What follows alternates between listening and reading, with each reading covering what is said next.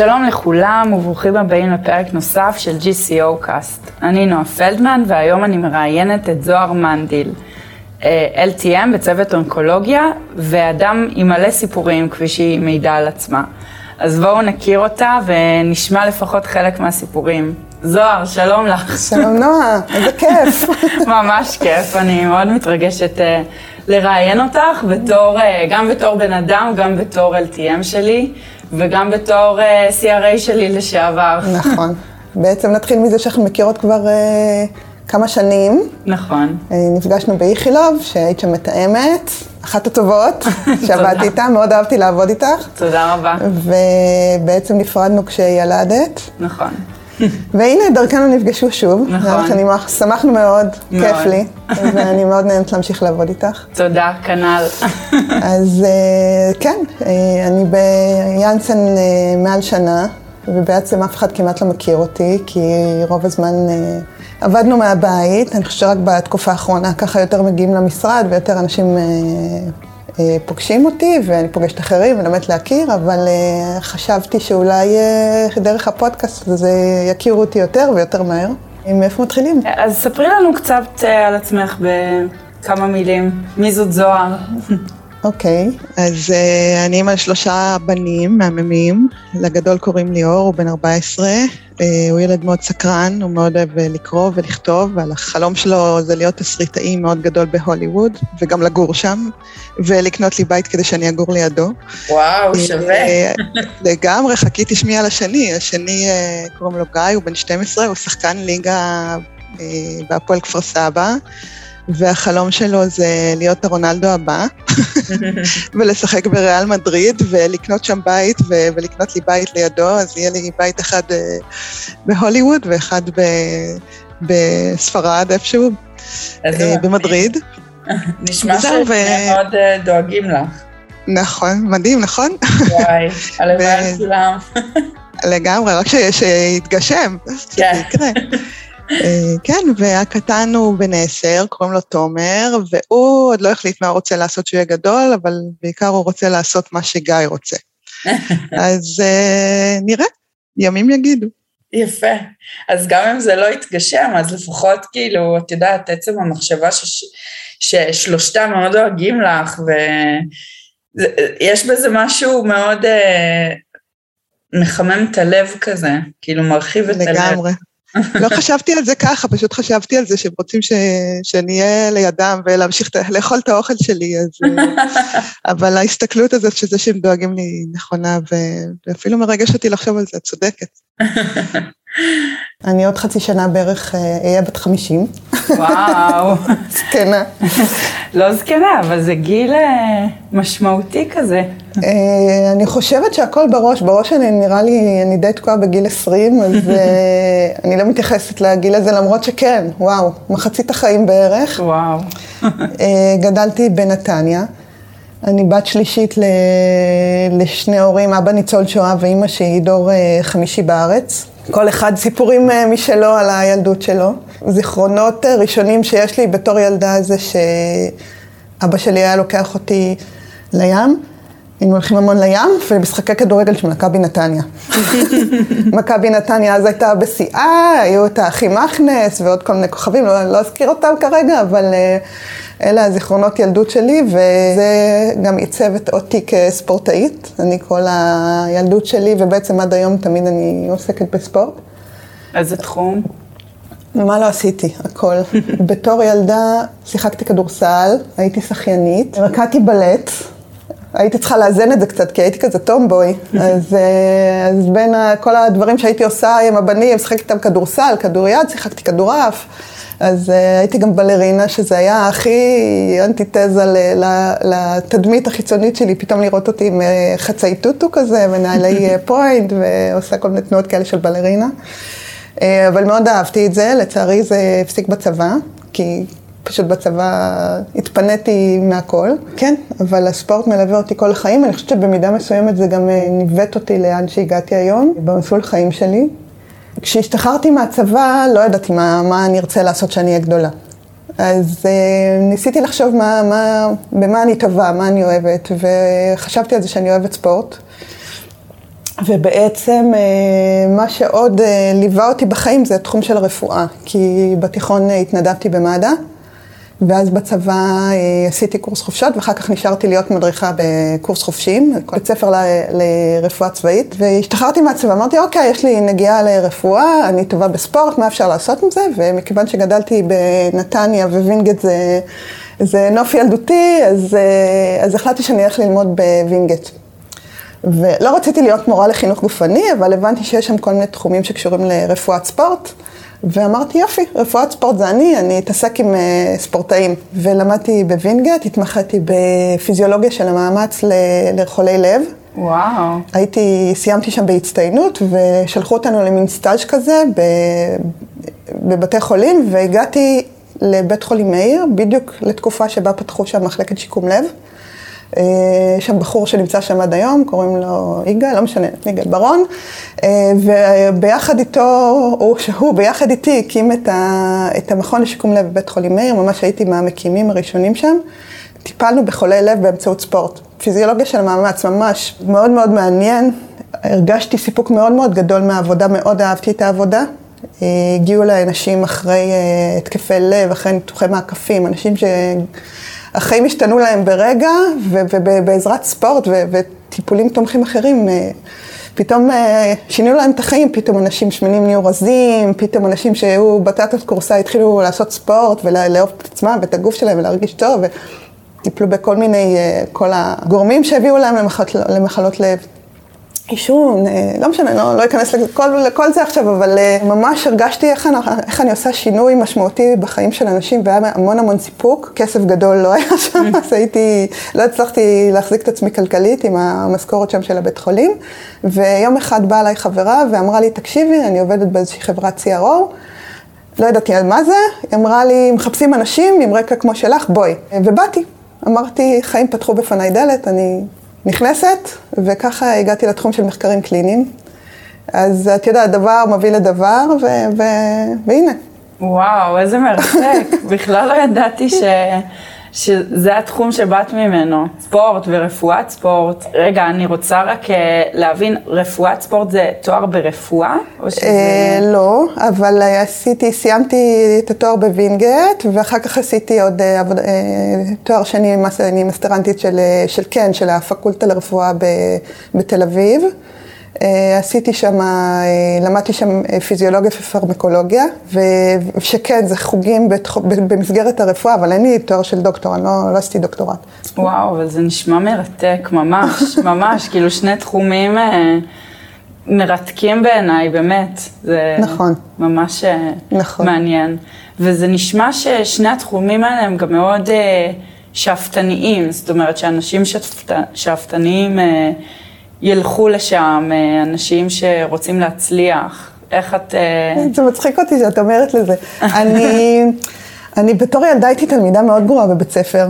המסגרת של בית ספר לא התאימה לי בכלל. אני, אני גיליתי את זה רק כשהגעתי לצבא ו, ובעצם ללימודים שלמדתי, ללימודים האוניברסיטאיים, כי כנראה שכשלמדתי דברים שלא מעניינים אותי, הייתי ממש גרועה, לא הצלחתי להתמיד. אני בפוקס הוצאתי בגרות. אני בילדות שלי את כל כולי השקעתי בספורט, והתנדבתי במד"א, והייתי בחוגי סיור של החברה להגנת הטבע, וחרשתי את הארץ, אני מאלה שהיו לוקחים שק שינה ומפות סימון שבילים כאלה שהיו פעם, ו- וממש היינו כל הזמן מטיילים, הייתה לי חבורה קבועה שהיינו הולכים ועולים על אוטובוס, פשוט אני מסתכלת על עצמי אחורה ועל הילדים שלי היום. היינו מתארגנים, יום שישי עולים על אוטובוס, נוסעים לאיזה חור. וואו. יורדים מהאוטובוס באמצע איזה מכתש, וזהו, פותחים מפה ומבשלים על גזייה, אה, לא יודעת, מרק של כנור, או פותחים קופסת שימורים, זה פשוט, אני מסתכלת עלינו אחורה, אבל על הילדים שלי היום, ואני אומרת, וואו, איזה ילדות מדהימה הייתה לי, וכמה חבל שהיום זה, זה, כאילו זה הלך לאיבוד, כל ה... גם אהבת הארץ וגם. החיים האלה, אני חושבת שהילדים שלנו לא חווים את זה היום ככה. ואת חבר? משתדלת uh, לחנך את הילדים שלך על, uh, על הערכים האלה? א', הם, הם, אני תמיד uh, חושפת אותם לדברים ש, שנחשפתי בילדותי, אבל uh, א', לילדים יש גם אבא, אני גרושה, והוא, ההתנהלות שלו היא אחרת איתם. כן, אני חושבת שאני מאוד אה, דומיננטית בחיים שלהם. עדיין הם אה, ילדי אה, טאבלטים וכאלה. זה פחות נוח היום, ואני חושבת שגם במידה מסוימת היום אני במקום אחר, יותר קשה לי פשוט לקום, ואנחנו אז אפילו לא היינו שנים באוהל, הייתי שנה בשק שינה מתחת לכיפת השמיים, ואני כבר היום לא, לא רוצה כן. את התנאים האלה. כן, אני נוסעת עם ילדים לטיולי קמפינג, וישנים באוהל, ואוכלים אה, מקופסאות שימורים, אבל, אה, אבל לא אותו דבר. כן. אז זהו, אז התחלתי להגיד לך של, שאני לא הייתי ילדה שאפתנית, אבל אני חושבת שהגדולה של הורים שלי, שזה מה שמאוד, אה, אני מעריצה אותם על זה היום, שמצד אחד היה תסכול מאוד מאוד גדול באיזה תלמידה הייתי, אבל מצד שני, הם כל הזמן אמרו שהם רואים כמה אני אוהבת ספורט וכמה אני מצטיינת בזה ואיך אני משקיעה בדברים שאני אוהבת והם אמרו, היא בסדר, היא תצליח. ובאמת הגעתי לצבא והייתי מצטיינת בצבא, קיבלתי ביום העצמאות אה, הצטיינות. וואו, של, הצטיינות הנשיא? חיילת מצטיינת, לא, לא מהנשיא, אבל קיבלתי בבסיס. אה, יפה מאוד. וסיימתי תואר ראשון בהצטיינות, וכל מקום שהלכתי הצטיינתי, ואז הבנתי שכשאני בוחרת מה אני אוהבת, ומה אני רוצה לעשות, ומה אני רוצה ללמוד, שם אני מצליחה. וואו. וזה גם מסר שיש לי עבור הילדים שלי. יעשו מה שעושה אותם מאושרים, והם ימצאו את הדרך שלהם, שכל אחד ילך בדרך שלו, ואני באמת חושבת שהמסגרת של בית ספר לא, לא מתאימה לכל הילדים. נכון. וחבל. אני חושבת שרוב הילדים מפספסים את הייעוד שלהם, מפספסים אפילו את הילדות שלהם, המון תסכול, המון אכזבות, המון כישלונות, בגלל שהמסגרת לא מתאימה. כן. לכולם. כן, אני מסכימה עם זה. באמת, אה, לא לכל הילדים זה מתאים, ואני חושבת שבכלל, היום המערכת של בית ספר היא לא מתאימה לילדים של היום, לתקופה של היום. לגמרי. אז אני ממש מסכימה עם ה... ו- ואני לוקחת אותך כהשראה למסר לחיים, זאת אומרת, אה, באמת אה, לתת לילדים להתפתח בדרכם, באיך שהם אוהבים, מה שהם אוהבים לעשות. אני מאוד מתחברת למסר הזה. מרגשת אותי. ואני רוצה לגעת עכשיו בנושא אחר, התחלת אה, לספר קצת על המשפחה שלך, אה, אז אני אשמח אה, שתיגעי בנושא הזה קצת. משפחה שלי. המשפחה שלי זה באמת מודל, בעיניי, כן, איך משפחה צריכה להתנהל. קודם כל, המסר של הורים שלי תמיד היה ש... אני חושבת שזה בגלל אבא שלי, שאבא שלי ניצול שואה והוא איבד את, את כל המשפחה שלו בעצם, הוא, הוא, הוא רק הוא ואימא שלו שרדו. היה לו מאוד מאוד חשוב גם אה, שאנחנו כאחיות אה, נהיה בקשר מאוד מאוד טוב, וגם לשמור עלינו כערכי משפחתי, מעבר לזה ש, שסבא שלי, האבא של אה, אימא שלי, הוא גם כן, היה בן אדם מאוד חם ומאוד משפחתי, אז משני הצדדים היו לי אה, מודלים. של, של משפחה שהיא צריכה להיות העוגן, והיא צריכה להיות המקום החם והמחבק וה, והגב בכל סיטואציה. ואני חושבת שבמידה מסוימת גדלתי בידיעה שאני אף פעם לא אהיה לבד. שתמיד יהיה מישהו שיתמוך בי, ותמיד יהיה מישהו שייתן לי גב, בטוב וברע.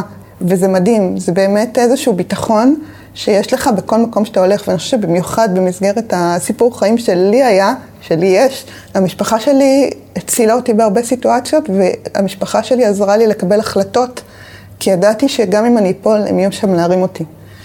ויש לי קשר מדהים עם אחיות שלי, אנחנו חברות מאוד טובות, זה לא תמיד היה ככה, בגיל ההתבגרות יכולנו להרוג אחת את השנייה, אבל אה, יש בינינו, אנחנו חברות מאוד מאוד טובות היום, מאוד uh, מעורבות אחת בחיים של השנייה. גרות מאוד רחוק אחת מהשנייה, ולפעמים יש תקופות שאנחנו לא מדברות, אנחנו לא מדברות כל יום, אבל, אבל הקשר בינינו מאוד חזק, זה, זה איכות, לא הכמות, וגם הקשר עם ההורים, יש לנו, יש לי מודל טוב. למשפחה זה מסר שאני כל הזמן מעבירה לילדים שלי. כשהתגרשתי, הבנתי שאני צריכה לתת לילדים שלי כלים אה, להתמודד בכל סיטואציה, וכל הזמן המסר שלי היה זה שהדבר הכי חשוב שיש להם בחיים זה אחד את השני. ותמיד לימדתי אותם לדאוג אחד לשני. אחד לשני. גם בבית, גם מחוץ לבית, תמיד לשים לב אחד לשני, כשהם בבית ספר, כשאנחנו בטיולים, בכל מקום, אני מקפידה ומזכירה להם שהם צריכים לדאוג אחד לשני, ואני רואה את זה קורה, וזה מדהים, וזה מרגש. ואני שמחה, אני שמחה שזה משהו שהצליח לי, אני מקווה שזה יחזיק לאורך uh, כל השנים. אני חושבת גם שאני מהווה עבורם אה, מודל עם החיות שלי, uh, שהם רואים אותי, איזה קשר יש לי עם החיות שלי, וש... שהם יתנהלו אותו דבר, שהם יהיו גדולים. יהיה, יהיה, יהיה, לי יהיה מאוד מאוד מרגש לראות אותם חברים טובים, גם שהם יהיו גדולים ויהיו להם את המשפחות שלהם. ממש מרגש. אני כאילו, באמת ללא מילים, זה אחד הערכים לפי דעתי ה... היפים, כאילו באמת אה, לסמוך על האחים, נכון. להיות איתם ביחד, להיות בקשר טוב, זה אחד הדברים הבאמת חשובים וגם ריגשת אותי מאוד בזה שאמרת שמשפחה שלך תמכה בך ברגעים קשים וידעת שהם מאחורייך ונתנו לך גב, זה, זה לא מובן מאליו. אני מתרגשת יחד איתך, באמת. אנשים לא רואים, הם רק שומעים את הפודקאסט, אבל אנחנו באמת אה, ממש מתרגשות פה. אוקיי. okay. התחתנתי בגיל יחסית מאוחר. הייתי מאוד עסוקה בתארים שלי ובתחביבים שלי, עשיתי ספורט, טסתי לחו"ל, עשיתי חיים. אני חושבת שבגלל שהייתי טומבוי, לא כל כך אה, נראה לי שהצד הגברי לא מאוד אה, התעניין בי באותה תקופה. גם הייתי רווקת תל אביבית, ואני חושבת שלהיות רווקה בתל אביב, זה עיר שמצד אחד כל האפשרויות פתוחות, מצד שני זה עיר ש... שיש בה הרבה בדידות. אני חושבת שהרגשתי הרבה בדידות בתקופה הזאת. מצד אחד הייתי יוצאת ומבלה וחברים ומסיבות ובילויים, מצד שני הייתה לי המון המון בדידות. ו... אה, אה, הגרוש שלי הכרתי בגיל, אה, אני חושבת, 32, 33. היו לי עד אז מערכות יחסים, חלקן טובות, הייתה ארוכות, אבל משהו, אני חושבת שאבא שלי נתן לי איזשהו סטנדרט של גבר שאני אמורה להתחתן איתו, וכאילו כל הזמן חיפשתי את, ה, את המודל הזה שאבא שלי חיפש. בעצם לא חיפשתי את המודל שלי, חיפשתי את המודל של אבא שלי, ולמרות שהייתי במערכות יחסים שיכלו מאוד להצליח עם המודל שלי, אבל איכשהו הם הסתיימו, ואיכשהו הגעתי לגיל 32-3 אה, אה, רווקה, ואז הכרתי את הגרוש שלי, שהוא כן היה כביכול המודל של הסטנדרט. והתחתנתי איתו מהסיבות המאוד מאוד מאוד לא נכונות. אה, זמן קצר מאוד אחרי שהתחתנו, עברנו לגור באוגנדה. וואו. איזה סיפור חיים, לא, אני לא... אה, לא כן, ידעתי את כל זה. הציעו לו עבודה באוגנדה, הוא מנהל כספים, הציעו לו להיות סמנכ"ל של איזושהי חברה ישראלית שם, והחלטתי שנמשיך עם ההרפתקה של החיים ונעבור לגור שם. אז, אה, אז כן, אז גרתי במין אחוזה כזאת, והיה לי משרתים, והייתי הייתי מבחינת סטטוס שם, היינו באלפיון העליון, אז באמת זה היה לחיות באיזה, בסרט, חייתי בסרט. מצד שני, מכיוון שהגרוש שלי הוא היה בן אדם שמאוד מאוד לא התאים לי, הייתי, הייתי גם שם, הייתי, גם כשהתחתנתי הייתי מאוד מאוד בודדה. אה, די מהר נכנסתי שם להיריון. ואת רוב התקופה בעצם שגרנו שם, אה, חיפשתי סיבות לברוח לארץ, למשפחה שלי. זה את כל הבדיקות של ההיריון, באתי לארץ ונשארתי פה תקופות אה, ארוכות יותר, וגם אחרי שהלידה ילדתי בעצם בארץ, אבל... הייתי מגיעה עם, ה, עם הילד הקטן שלי פה לארץ, אבל, אבל כן סיימנו שם שנתיים, ואחרי שנתיים אה, של חוויות, כן? אני לא מצטערת לשנייה שהיינו שם, טיילנו, היינו במקומות מדהימים, אה, אה, שיכול להיות שלא לא הייתי מגיעה אליהם אם לא, לא הייתי גרה שם. וגם במידה מסוימת לחיות כמו שחייתי שם זה בהחלט חוויה לחיים, אבל הבדידות שם שברה אותי. חזרנו לארץ, חזרתי עם אה, תינוק קטן. חזרתי לעבוד באייקון, שזו חברה שעבדתי בה לפני כן, מבחירה, זאת אומרת, היו לי עוד אפשרויות, יכולתי גם להתקדם מאוד בתפקיד שלי, אבל סליחה, בחרתי לחזור לאותה נקודה שבה עצרתי, כי כבר אז ידעתי שאני לא יכולה לסמוך על הגרוש שלי, שאני די לבד בתמונה, וידעתי שאייקון זה מקום שמכירים אותי, ויהיה לי מאוד מאוד נוח אה, לחזור למקומות שמכירים, למקום שמכיר אותי, ואז אני אוכל גם לגדל תינוק קטן בבית בתקופה הזאת. אה, משהו שמאוד גיליתי על עצמי זה שאני, היצר של האימהות כל כך חזק אצלי, שלמרות שהקשר שלי עם הגרוש שלי היה כל כך רע, אה, אני מאוד רוצה מלא ילדים. מאוד נהניתי מהרעיון, ומאוד נהניתי לגדל את הילד, ו- וכנגד כל הסיכויים, אה, די מהר נכנסתי לעוד שני הריונות, ילדתי בקצב מאוד מהיר עוד שני ילדים. אבל החיים היו לי מאוד מאוד קשים. גם בנישואים שלי הייתי בן אדם מאוד בודד, ואני חושבת שגם הקשר עם הגרוש שלי מאוד אה, הקטין אותי. אה, אני יודעת היום בדיעבד שיכול להיות שהיו בי איזה שהן עוצמות שגרמו לו להרגיש קטן לידי, אז הדרך שלו להרגיש נוח, זה, זה נורא שאני אומרת את זה, אבל זה, זה איזשהן תובנות שהגעתי להן אחרי שהתגרשתי, שהדרך שלו להרגיש נוח לידי הייתה להקטין אותי, ואיכשהו אפשרתי לזה להצליח. הסתובבתי אה, בתחושה שאני לא טובה, ושאני לא מצליחה, ושאני לא יפה, ושאני לא חתיכה. הדבר היחיד שידעתי זה שאני אימא טובה.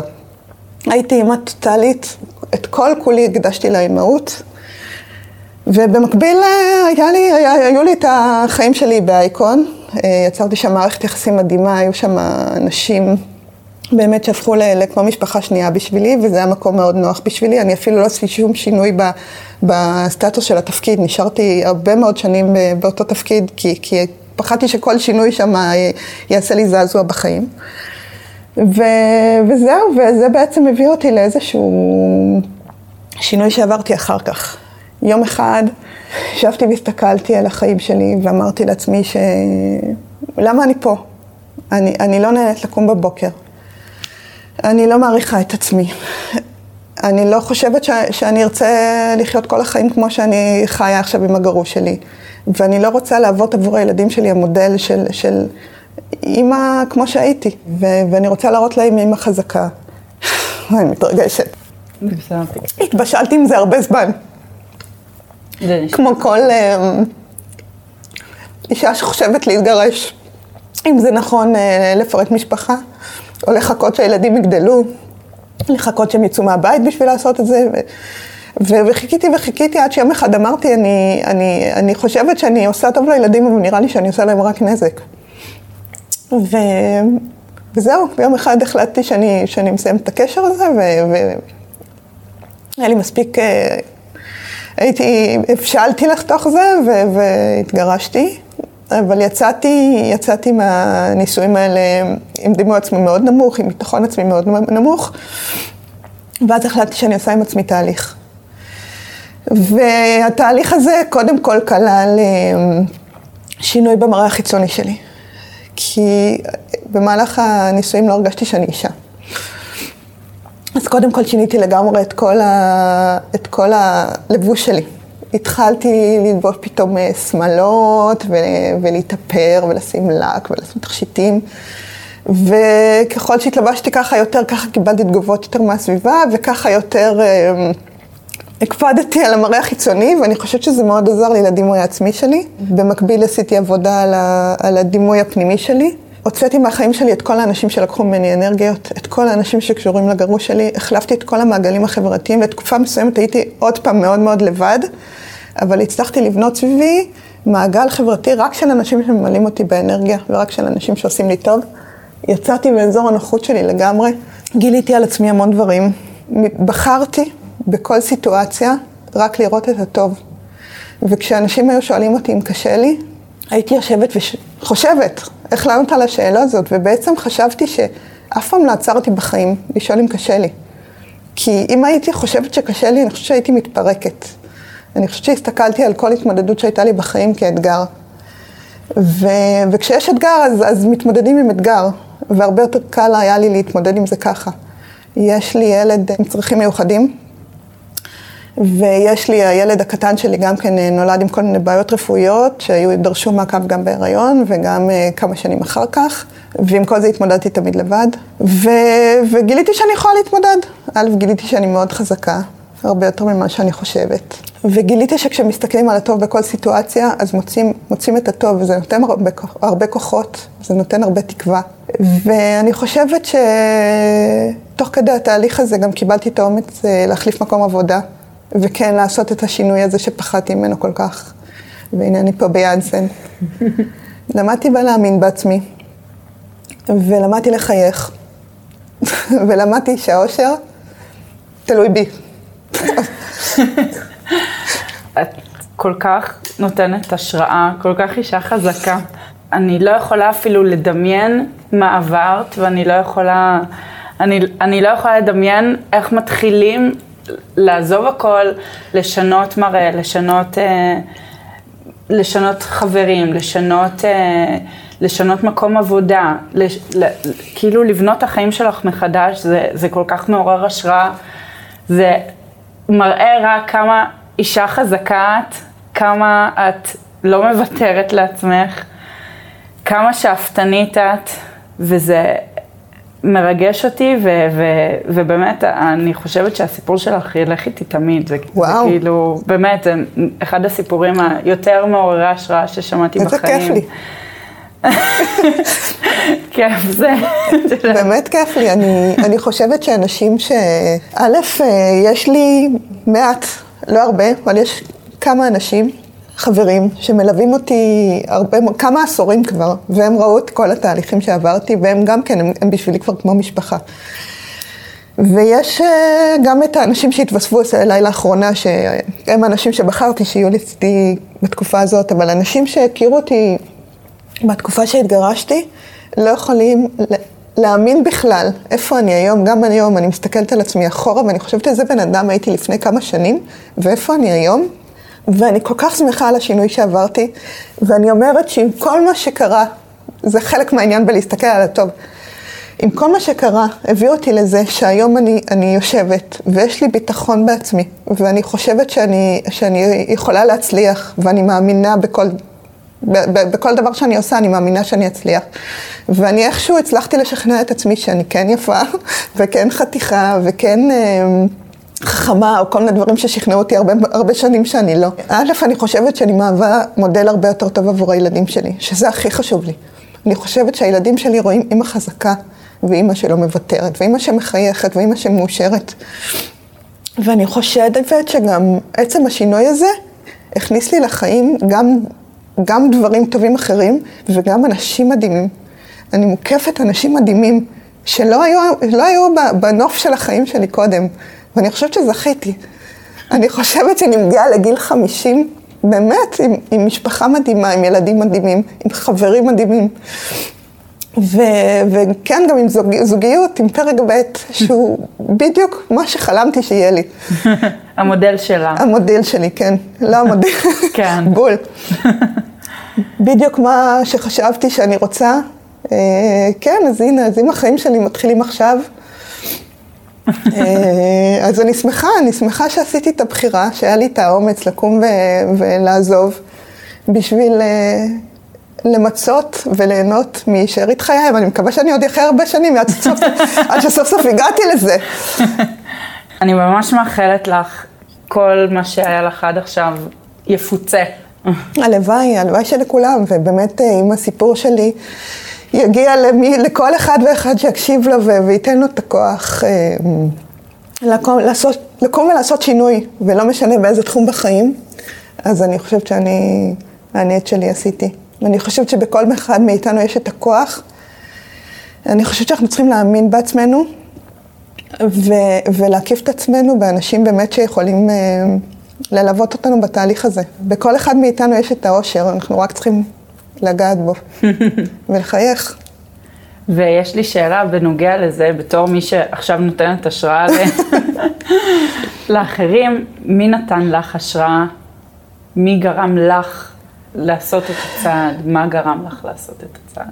וואו, שאלה טובה.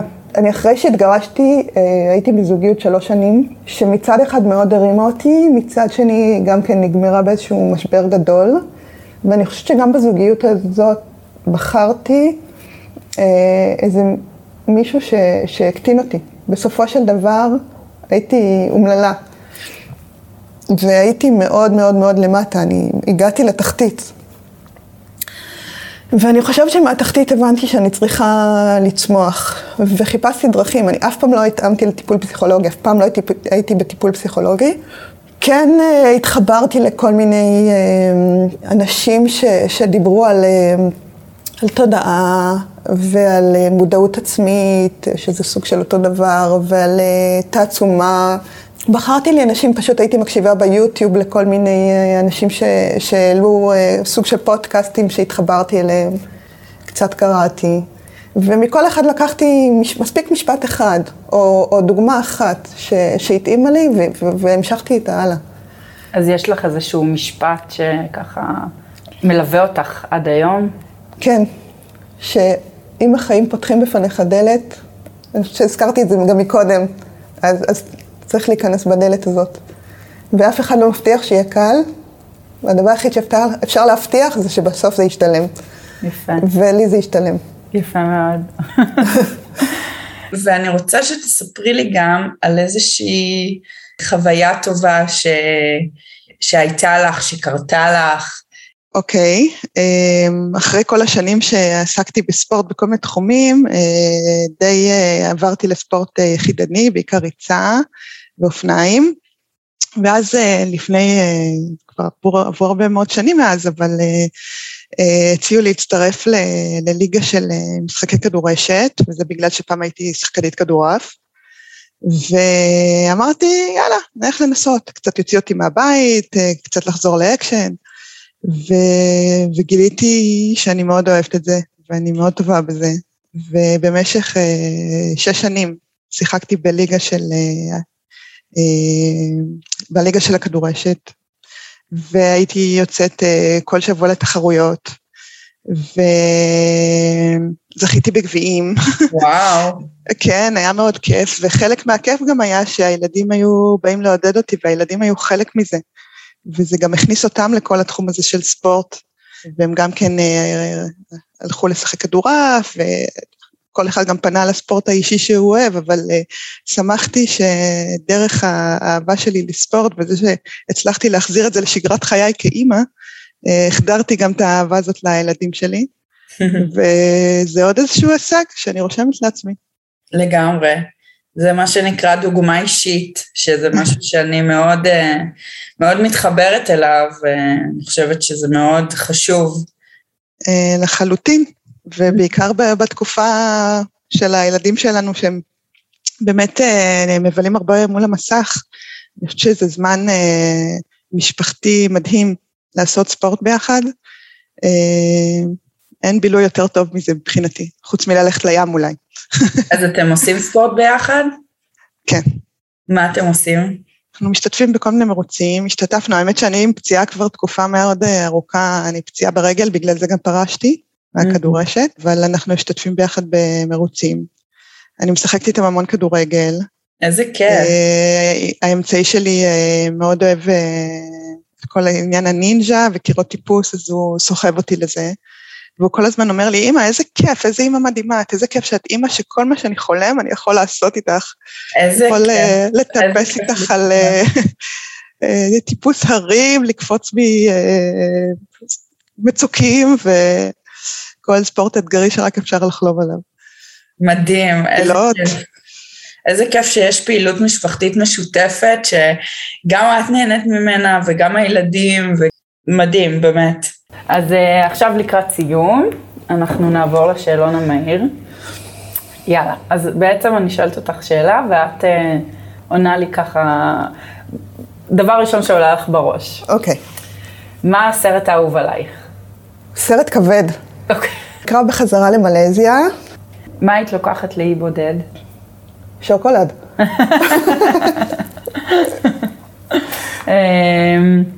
מי האדם שהכי השפיע עלייך בחיים? המורה שלי לבלט. באופן מוזר, יפה. כן. זה לא מוזר בכלל. לפעמים האנשים האלה באים באמת אה, מכיוון כאילו לא, לא נכון, לא צפוי. נכון. רקדתי בלט מכיתה א' עד י"ב, בעצם אה, כל הילדות שלי עד הצבא, הצבא קטע לי את הבלט. הייתה לי מורה צרפתייה, והיא מאוד השפיעה עליי גם כי היא נתנה לנו ערכים אחרים מעבר לבלט עצמו. אה, היא מאוד לימדה אותנו דברים שאף אחד אחר לא לימד אותי. אה, להגיע בזמן, להגיע עם תלבושת תמיד שתהיה נקייה ומגועצת ומסודרת. להתחשב בזה שלפעמים לי יש סולו ולפעמים אין לי. שלפעמים אני מקדימה ולפעמים אני מאחורה, בשורות של הריקוד. להתחשב באחרים. המון המון ערכים של החיים שהיא היוותה בעיניי מודל. היא לימדה אותנו בין היתר, חוץ מריקוד, היא דיברה איתנו על ההיסטוריה של הריקוד, היא לימדה אותנו ריקודי עמים, היא היא לימדה אותנו על, על האומנים שרקדנו לצלילם, על מוצרט, על בטופים, הייתה צרפתייה כזאת, את יודעת, אני ממש זוכרת אותה כאישה אצילה כזאת, עם הלבוש שלה והעמידה שלה, אני, היא ממש ממש, אני חושבת שהיא עיצבה אותי, גם את האהבה שלי לספורט, את המסירות שלי. וגם אותי כפרט בלהקה, ואנחנו בעצם זה מה שאנחנו, אנחנו כמו כל בעלי החיים, אנחנו פרט בודד בתוך להקה, שאנחנו תורמים לה ונתרמים ממנה. יפה. ולכן היא המודל שלי. יפה מאוד. אם היית זבוב על הקיר, על איזה קיר היית רוצה להיות? על הקיר של אה, שמעון פרס. וואו. הבן אדם הזה תמיד סקרן אותי, הרצתי אותו. אני חושבת שאפשר ללמוד הרבה על התעצומות נפש של הבן אדם הזה. ואני חושבת שהוא גם כן בן אדם שתמיד האמין בעצמו ובדרך שלו. למרות שהרבה פעמים אה, שמו לו מקלות בגלגלים, ולמרות שאת יודעת, בזיכרון של כולנו תמיד היה מקום שני, ואני מעריצה אותו, אני מעריצה אותו על ההישגים שלו, אה, אני מעריצה אותו על הדרך שלו. ואם היו שואלים אותי יום אחד אם הייתי רוצה לשבת אה, לשתות קפה, הוא לגמרי הבן אדם. יפה. אם היית צריכה לאכול מאכל אחד כל החיים, מה הוא היה? שוקולד. כמובן. מריר, משובח. כמה אחוז? כמה שיותר. ואת מי היית ממליצה לראיין לפרק, לפרק לפודקאסט? את עדה יונת. וואו, איך נגיע אליה? אז אני יכולה לספר עוד משהו? בטח. הבן הבכור שלי הוא מחונן. ותמיד עניינו אותו דברים שהם לא תואמי גיל, וכשהוא היה בכיתה ג', אני חושבת, הוא היה בן תשע, הוא בכלל למד לימודי מחשב, ולימדו אותם פאורפוינט, ואמרו לו, תכין מצגת בפאורפוינט. והוא החליט שהוא עושה מצגת על מבנה הריבוזום ועל עדה יונת. כיתה ג'. בכיתה ג', כן. והוא בא, בא לכיתה. והוא נתן את ההרצאה שלה, וכולם כל כך השתעממו, ואף אחד לא הקשיב. והוא חזר הביתה כל כך מתוסכל, כי הוא כל כך השקיע במצגת הזאת. ואת יודעת, אני בתור אימא מסורה ראיתי את העצב שלו, ואמרתי, יואו, מה אני עושה, מה אני עושה, וכתבתי את הערך עד היונת בגוגל. ועלה לי איזשהו, אה, איזושהי כתובת מייל שלה במכון ויצמן, ואמרתי לו, אתה יודע מה, אולי עד היונת אוהב את המצגת שלה, שלך, בוא נשלח לה. כתבנו ליד היונת, הוא כתב לה, קוראים לי ליאור, אני מאוד מתעניין במחקר שעשית על מפני הריבוזום, והייתי מאוד רוצה לראות את המעבדה שבה חקרת, ו, ושלחנו את המייל עם המצגת.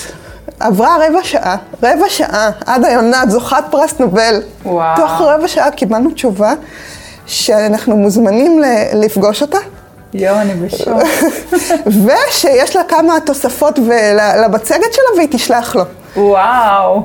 ובאמת היה, אחרי כמה ימים היא שלחה לו את המצגת עם עוד כל מיני תמונות, והוא כתב שם על ביוגרפיה שלה, אז היא הוסיפה כמה דברים. ופגשנו אותה, והיא סיפרה לנו גם כן את סיפור חייה, ואיך היא הגיעה לזה, וגם את המסלול שהיא עברה עד שהיא הצליחה, באמת, היא גם כן אישה ש... שנכש... סליחה, לוקחת בחזרה את המילה הנכשלה. היא, היא, לאורך כל הדרך, היו הרבה אנשים שלא האמינו בה, והיו אנשים שרצו להכשיל אותה ולעצור אותה מלהגיע לחלום שלה, והיא לא ויתרה. והיא אישה עם עוצמה, ואישה עם נתינה, והיא באמת אישה שהיא השראה. ואחרי שאני שמעתי את ההרצאה שלה, אני חושבת שלשבת ולשאול אותה את כל השאלות האלה, היא מרתקת. וואו. אה, טוב, אנחנו נראה מה עושים עם, ה... עם כן. הדבר הזה. נשמע לי כבד. בכלל לא, הנה, תראי באיזה קלות הגענו אליה.